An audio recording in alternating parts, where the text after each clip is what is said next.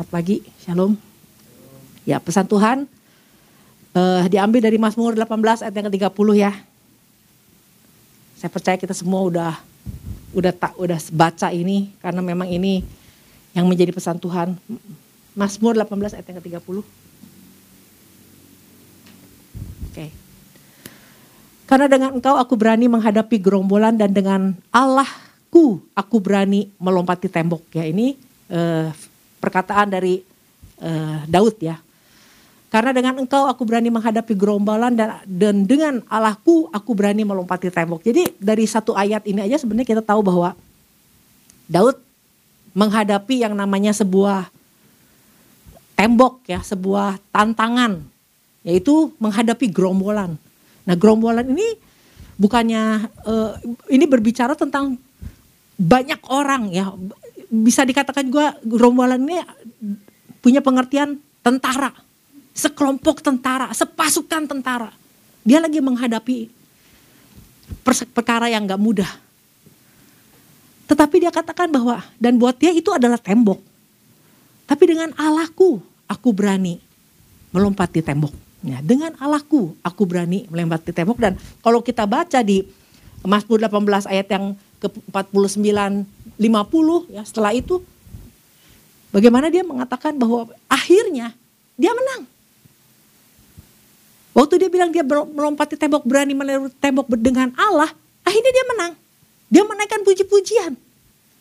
Ya, dia bilang akhirnya uh, dia mengakui bahwa Tuhan itu yang memberikan kemenangan, Tuhan itu yang melepaskan, Tuhan yang berhadapan dengan musuh. Terpujilah Tuhan yang hidup gunung batuku. Jadi akhirnya itulah kemenangan yang Tuhan yang yang diterima oleh Daud. Nah sebenarnya siapa sih Daud gitu loh? Dia bukan orang yang kita nggak pernah baca dia orang lemah. Daud itu bukan orang yang sama sekali nggak punya hubungan sama Tuhan. Dia orang yang punya hubungan sama Tuhan. Nah tapi dari sini kita mau belajar tentang yang saya mau tekankan dari pesan Tuhan adalah dengan Allah bersama dengan Tuhan. Ya, nah karena gini, setiap orang pasti punya temboknya masing-masing, menghadapi persoalan masing-masing, punya punya problem masing-masing. Pasti semua orang hidup pasti punya problem. Nah yang membedakan problemnya adalah gini, bukan problem yang beda. Yang membedakannya adalah gini, bersama dengan Tuhan atau enggak dengan Tuhan menghadapinya. Problemnya pasti ada, temboknya pasti ada. Mau besar kecil temboknya itu ada.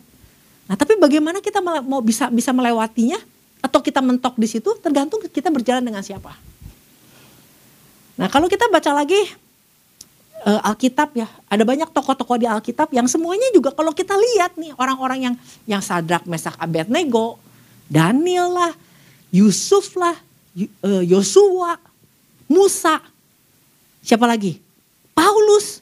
Semuanya punya punya temboknya masing-masing menghadapi yang namanya problem masing-masing. Tapi yang kita baca, mereka semua adalah orang-orang yang berhasil melewati semua itu. Karena apa? Mereka orang yang berjalan dengan Tuhan. Nah itu yang membedakan yang melewatinya itu berjalan dengan siapa? Dengan Tuhan. Bahkan Paulus bilang kalau kita lihat di dalam uh, Filipi 4 ayat yang ke-13 ya. Paulus bilang gini. Filipi 4 ayat yang ke-13. Ini ayat yang sering sekali kita tahu banget ya. Segala perkara Paulus nih waktu dia menghadapi tembok, segala perkara dapat kutanggung di dalam dia yang memberi kekuatan kepadaku. Nah jadi perkara apa sih? Segala perkara. Berurusan dengan manusia, berurusan dengan sesuatu, berurusan dengan tantangan, berurusan dengan hidup, berurusan dengan apa aja dia bilang. Segala perkara dapat kutanggung dalam dia yang memberikan kepada kekuatan kepadaku. Nah jadi dari ayat ini kita lihat bahwa perkara eh, kekuatan itu eh, di dalam dia yang memberi kekuatan kepadaku. Nah kekuatan itu apa? endunamo ya. Endunamo udah kita sering sering dengar juga ini udah. Jadi artinya gini, segala perkara dapat kutanggung di dalam dia, bersama dia.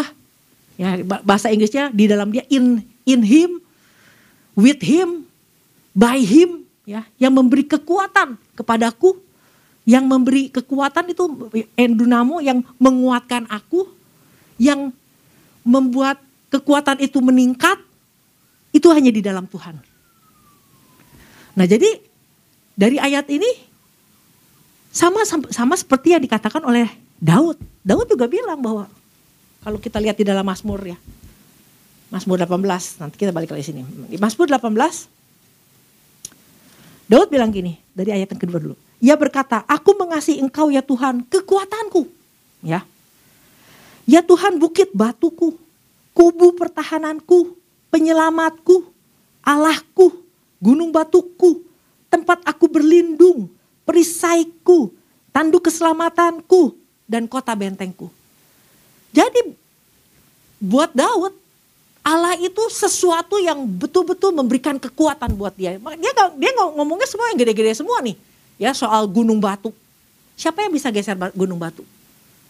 Dia bilang tempat berlindungan. Perisai itu itu semua hal-hal yang dahsyat. Jadi artinya Daud menaruh menjadikan Tuhan itu sumber kekuatan buat dia. Sama seperti yang dikatakan Paulus, Tuhan yang memberikan kekuatan bahkan yang bisa menambahkan kekuatan kepadaku. Nah jadi gini, berjalan bersama Tuhan atau e, di dalam Tuhan itu punya pengertian gini, bukan berarti gini, saya Kristen pasti saya di dalam Tuhan. Saya pelayanan pasti saya di dalam Tuhan, belum tentu. Apakah kita menjadikan Tuhan satu-satunya sumber kekuatan kita? Ini pertanyaannya. Atau dia cuma Tuhan yang kita percaya aja? Banyak orang yang percaya, yang orang yang beda agama pun banyak yang percaya sama sama oh Yesus. Jadi jangan kita pikir bahwa kalau kita udah Kristen artinya kita sudah berjalan bersama Tuhan. Kita sudah berada di dalam Tuhan, belum tentu. Pertanyaannya gini, orang yang berjalan bersama Tuhan adalah orang yang mengakui bahwa Tuhan satu-satunya sumber kekuatan. Enggak ada yang lain. Bukan rumah kita, bukan pekerjaan kita, bukan uang kita yang menjadi sumber kekuatan, bukan anak kita, bukan pasangan kita, bukan cucu. Ya, kadang-kadang aduh, punya cucu benar jadi sumber kekuatan buat saya. Saya kalau ngelihat cucu saya, aduh rasanya bahagia. Aduh rasanya benar-benar saya hidup lagi. Karena yang sumber kekuatan itu harusnya menjadi adalah or, uh, yang yang tidak bisa tergeserkan, yang tidak bisa tergoyahkan. Itu yang harus menjadi sumber kekuatannya itu cuma Tuhan. Semua yang kita anggap sumber kekuatan kalau cuma pasangan hidup uang itu semuanya bisa berubah. Nah jadi yang namanya bersama Tuhan itu Daud bersama, di dalam Tuhan itu dengan Tuhan itu dia menjadikan Tuhan sumber kekuatan dia. Nah, inilah yang membedakan Daud dengan Saul. Ya, kita tahu benar kisahnya Daud dengan Saul yang membedakan. Daud menjadikan Tuhan satu-satunya sumber kekuatan dia. Makanya kita lihat di ayat yang ketujuh nih. Masuk 18 ayat yang ketujuh. Ketika aku dalam kesesakan, aku berseru kepada Tuhan. Kepada Allahku aku berteriak minta tolong. Ia mendengar suaraku dari baitnya teriakku minta tolong kepadanya sampai ke telinganya. Nah, jadi orang yang yang yang yang menaruh kekuatannya di dalam Tuhan yang menjadikan Tuhan satu-satunya kekuatan, nggak ada yang lain. Ketika dia berseru, Tuhan mendengar dan Tuhan bertindak. Ini yang luar biasa. Jadi kalau kita pikir bahwa kita udah punya, uh, kita berjalan bersama Tuhan, Pertanyaannya kalau kita berseru Tuhan bertindak nggak? Nah ini yang terjadi sama Saul. ya Saul. Kita lihat di dalam 1 Samuel 28 ayat yang ke-7, eh ke-6 sampai ke-7. 1 Samuel, Samuel. Ini dua-duanya orang yang dipilih Tuhan loh jadi raja. Sama-sama punya Tuhan yang sama. Ketika Saul dalam keadaan terjepit, keadaan susah. Dan Saul bertanya kepada Tuhan tetapi Tuhan tidak menjawab dia. Baik dengan mimpi baik dengan Urim, baik dengan perantaraan para nabi. Ayat 7. Lalu berkatalah Saul kepada para pegawai, carilah bagiku seorang perempuan yang sanggup memanggil arwah, maka aku hendak pergi kepadanya dan meminta petunjuk kepadanya. Dan para pegawainya menjawab dia, di Endor ada seorang perempuan yang sanggup memanggil arwah. Nah ini sebab awal muasalnya dia mencari peramal, mencari perempuan untuk memanggil arwah karena waktu dia panggil Tuhan, Tuhan gak jawab. Karena Saul tidak menjadikan Tuhan sumber kekuatan dia. Dari mana tahunya? Waktu dia jadi raja, dia nggak pernah peduli dengan tabut perjanjian. Tabut perjanjian kan sebuah lambang di mana Yesus eh, kehadiran Allah. Dia nggak pernah cari itu tabut perjanjian ada di mana. Beda dengan Daud. Begitu dia jadi raja, yang dia pikirkan cari tabut perjanjian harus diambil, harus dikembalikan lagi. Jadi artinya orang yang betul-betul punya koneksi sama Tuhan, benar-benar punya punya apa ketergantungan bahwa gue nggak bisa kalau nggak pakai ada sumber sumber kekuatannya itu Allah. Waktu Daud di dalam keadaan eh, di dalam peristiwa, peristiwa ketika dia kehilangan anak-anak istri, kehilangan semua harta bendanya.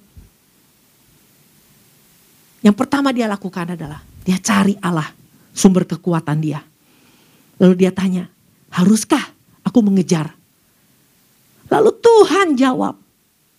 Ini yang luar biasa. Tuhan jawab, Tuhan bilang, kejar. Nah jadi yang menjadikan Tuhan sumber kekuatan sama yang gak menjadikan Tuhan sumber hidup dia, sumber kekuatan. Itu ada bedanya. Waktu kita berseru, waktu Daud berseru, Tuhan jawab. Ini yang kita perlu pelajari. Itu yang perlu perlu kita kita ketahui. Jadi nggak nggak selalu yang namanya orang kadang-kadang bilang oh, segala perkara dapat kutanggung di dalam Dia yang memberi kekuatan. Ada orang yang ngomong begitu karena memang dia apal ayat tapi tidak punya koneksi sama Tuhan. Jadi untuk kita mendapat instruksi dari Tuhan, mendapat arahan dari Tuhan, dimulai dari apa? Punya keterhubungan, spiritual connection sama Tuhan. Ini mah gak pernah ada hubungan. Tiba-tiba dapat masalah, segala perkara dapat kutanggung di dalam dia yang memberikan kekuatan kepadaku. Ayat itu muncul dari rasa takut. Tapi orang yang punya hubungan sama Tuhan, ayat itu adalah ayat yang memberikan kekuatan buat dia. Percaya banget Allah segala perkara dapat kutanggung di dalam Tuhan. Beda kan? Dan hasilnya pun beda. Ba, jadi inilah yang yang jangan kita pikir bahwa kita bisa melempati, melewati tembok Cuman cuman kita bisa bilang bersama dengan Tuhan, di dalam Tuhan. Dengan Tuhan kita bisa melewati. Siapa dulu kita? Gak semua orang bisa bisa melewati tembok hanya dengan ngomong bahwa dengan Tuhan. Punya hubungan gak dengan Tuhan? Tapi kadang-kadang kita memang butuh sebuah instruksi dari Tuhan. Sepatah kata aja sebenarnya itu memberikan kekuatan buat kita. Betul di tengah-tengah kita, di dalam pergumulan kita. Kita butuh hanya satu kata. Nah beberapa minggu yang lalu eh, anak saya Delvin ngalamin pergumulan yang cukup berat. Ya pasti dia doa lah ya, saya percaya dia pasti berdoa. Lalu akhirnya nggak tahu gimana Pak Ishak waktu dia mau doa dia dapat pesan dari Tuhan. Delvin, suruh apa katanya suruh kuat ya, harus kuat. Cukup dengan harus kuat. Nah ini sebuah kekuatan buat kita. Nah, uh, jadi berjalan bersama Tuhan yang pertama adalah menjadikan Tuhan satu-satunya sumber kekuatan. Satu-satunya sumber kekuatan. Gak ada yang lain. Kadang-kadang kan orang kalau lagi banyak duit, wah udah segala masalah bisa diselesaikan dengan uang gitu kan. Jadi ya udah Tuhan gak terlalu penting juga. Tapi kalau memang menjadikan Tuhan satu-satunya sumber kekuatan, mau ada duit, banyak duit lagi gak ada duit, benar-benar Tuhan menjadi sumber kekuatan buat kita. Karena cuma memang cuma Tuhan yang bisa menjadikan kekuatan yang memberi kekuatan dan menambahkan lagi kekuatan buat kita, ya. Nah yang kedua ada orang yang berjalan bersama Tuhan dengan artinya gini. Kita nggak mungkin bisa berjalan dengan kebenaran, ya Allah itu kan kebenaran. Tapi kita hidup nggak benar. Mungkin nggak kita bisa di, bersama dengan Tuhan? Bisa nggak kita jalan dengan Tuhan kalau kita sendiri nggak benar? Kalau kita hidupnya ngaco?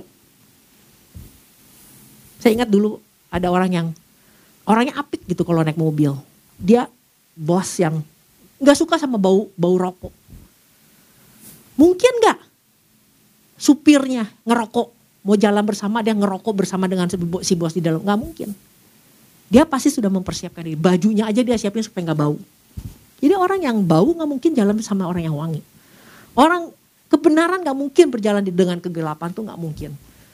Nah jadi kalau memang benar-benar berjalan kita dengan mau, mau melempar melewati tembok dengan Tuhan cek lagi jangan-jangan kita benar-benar nggak udah berjalan di dalam kebenaran sama seperti yang dilakukan oleh uh, Daud ya. Nih Mazmur 18 ayat yang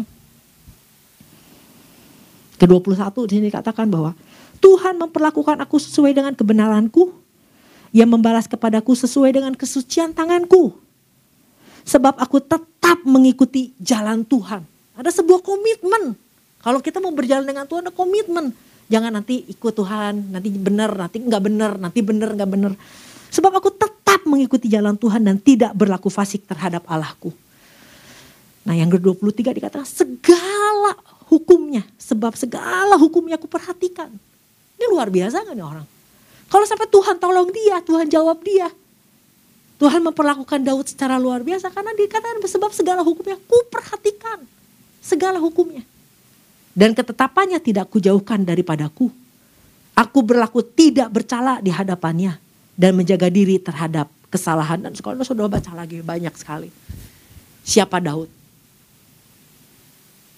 yang yang menarik saya adalah segala hukumnya aku perhatikan dan ketetapannya tidak kujauh dan kujauhkan daripadaku artinya di dalam bahasa Inggrisnya dikatakan uh, bahwa hukumnya itu ada di depan dia selalu di depan dia semua dia ukur pakai standarnya Tuhan semua dia pertimbangkan dengan hukum-hukumnya Tuhan jadi artinya gini, bukan berarti dia nggak pernah salah.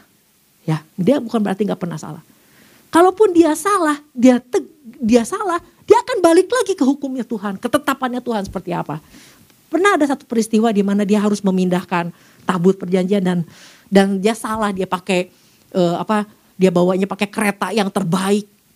Salah dan akhirnya ada korban. Lalu dia balik lagi, dia lihat lagi hukumnya Tuhan, dia perhatikan ketetapan Tuhan apa sih cara memindahkannya harus diusung oleh para para imam. Waktu dia punya kesempatan untuk bunuh Saul, tinggal tinggal nusuk Saul, tinggal kebunuh Saul. Dia ingat hukumnya Tuhan. Jangan ngeganggu orang yang diurapi Tuhan. Hal-hal yang detail. Nah jadi artinya gini, untuk kita bisa berjalan sama Tuhan, nggak mungkin kita nggak suka baca Alkitab. Karena hukum Tuhan, ketetapan Tuhan, peraturan Tuhan semuanya ada di dalam Alkitab. Nggak mungkin kita bisa berjalan sama Tuhan tanpa kita mau memperhatikan firman Tuhan. Nah, jadi ini yang, yang Tuhan ingatkan juga sama Yosua. Ya, Yosua 1 ayat yang ke-8 kita lihat. Ini juga yang yang Tuhan ingatkan ya. Kalau mau berhasil. Yosua 1 ayat yang ke-8. Jangan engkau lupa memperhatikan, memperkatakan kitab Taurat ini dan merenungkan itu siang dan malam supaya engkau bertindak hati-hati. Kadang-kadang kita tahu se -se sepintas lalu terus kita bertindak. Belum tentu benar. Tapi dikatakan supaya engkau bertindak hati-hati sesuai dengan segala yang tertulis di dalamnya. Kita sering berdoa supaya kami dapat melakukan tepat seperti yang Tuhan. Kita sering ngomong begitu kan. Nah kita nggak mungkin tepat kalau kita tidak pernah baca hukumnya. Kenapa ada lawyer yang jago sama ada lawyer yang yang yang yang kaleng-kaleng? Masalahnya di dia ngerti dia ngerti hukum secara detail. Sebab dengan demikian perjalananmu akan berhasil dan engkau akan beruntung.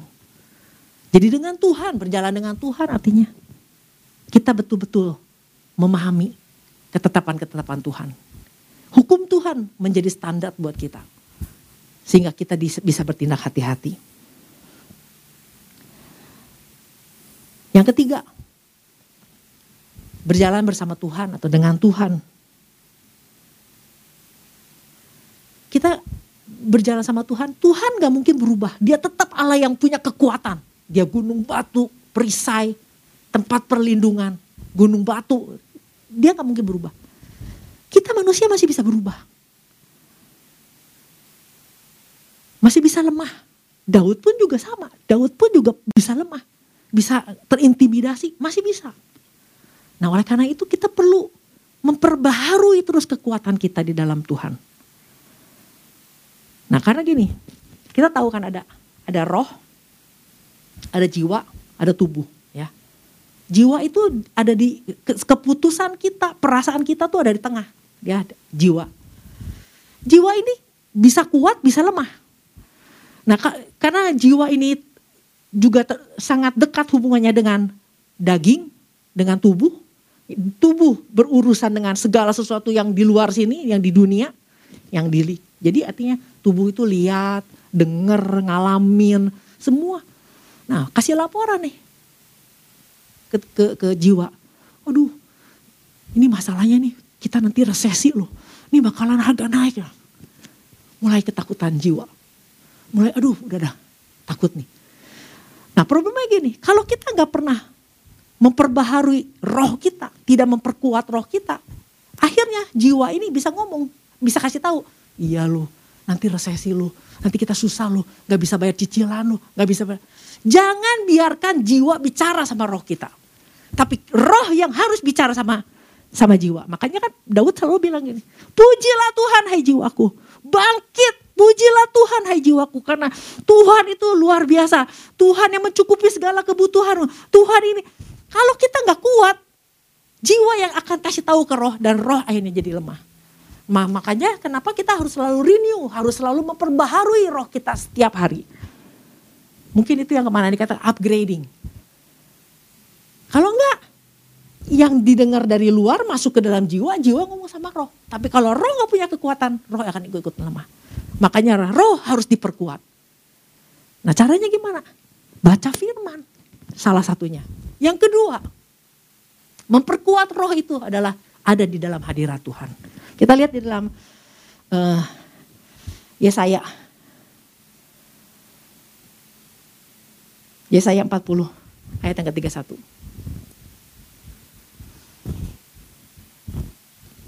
Yesaya 40 ayat yang ke-31.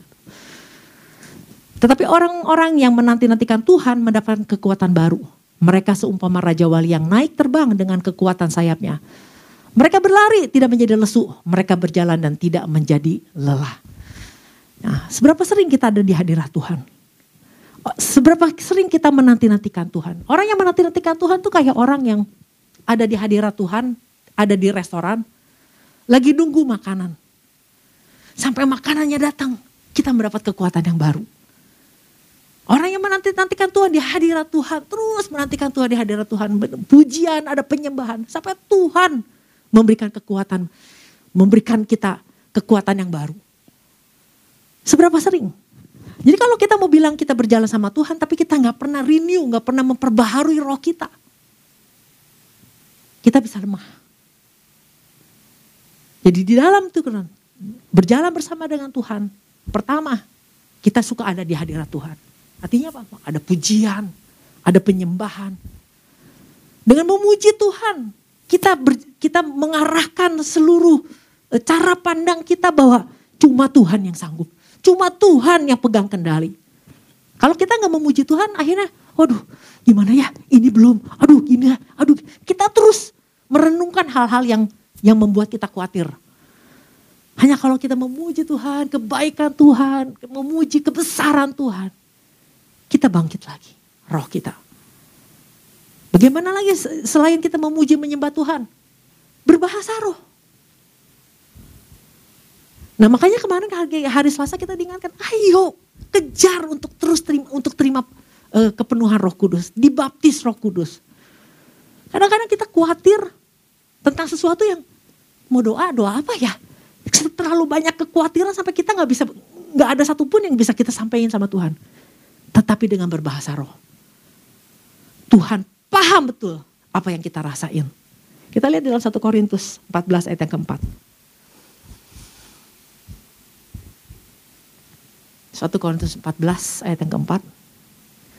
Siapa yang berkata-kata dengan bahasa roh, ia membangun dirinya sendiri. Kasih waktu buat kita datang sama Tuhan dan kita berbahasa roh. Berbahasa roh itu ada berbahasa roh yang di dalam uh, kisah para rasul itu sampai orang-orang bilang gini, dia ngomong bahasa apa ya? Ngerti gak? Sampai orang ngomong, dia ngomong bahasa apa? Bahasa roh. Bukan mana. Haleluya, haleluya. Enggak, disuruh berkata-kata dengan bahasa roh. Ada bahasanya. Ada kata-kata roh yang yang keluar.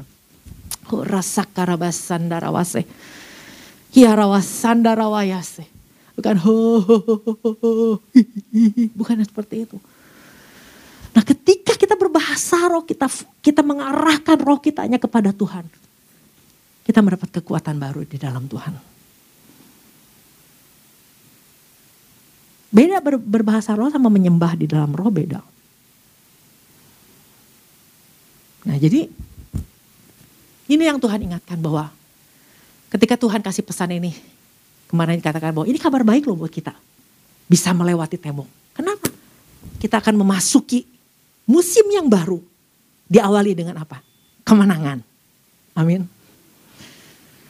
Jadi jangan memasuki musim yang baru, temboknya aja belum lewat gitu loh. Nah, bukan jangan kita pikir bahwa oh ya udahlah kita lemah, nggak ada hubungan sama Tuhan, nggak pernah doa, nggak pernah baca Alkitab. Ya udah jalan sama Tuhan, we, dengan Tuhan. Nanti Tuhan yang berperang buat kita. Enggak, Tuhan nggak mungkin jalan sama orang lemah. Tuhan nggak mungkin jalan sama orang yang nggak ngerti firman, yang nggak ngerti kebenaran, yang nggak tahu jalan hukum-hukumnya Tuhan. Daud juga bilang, Tuhan tahu kebenaranku, aku berjalan di dalam kebenaran. Nah oleh karena itu biarlah pagi hari ini kita semua, termasuk saya pun, kita belajar dari pesan Tuhan ini. Bahwa kita punya Allah yang luar biasa. Kita perlu berjalan dengan Allah yang luar biasa ini yang sumber kekuatan. Kalau kita lemah, cuma dia yang bisa menambahkan kekuatan buat kita. Segala perkara dapat kutanggung di dalam dia yang memberikan kekuatan, yang menambahkan kekuatan buat kita. Amin. Tuhan Yesus berkati.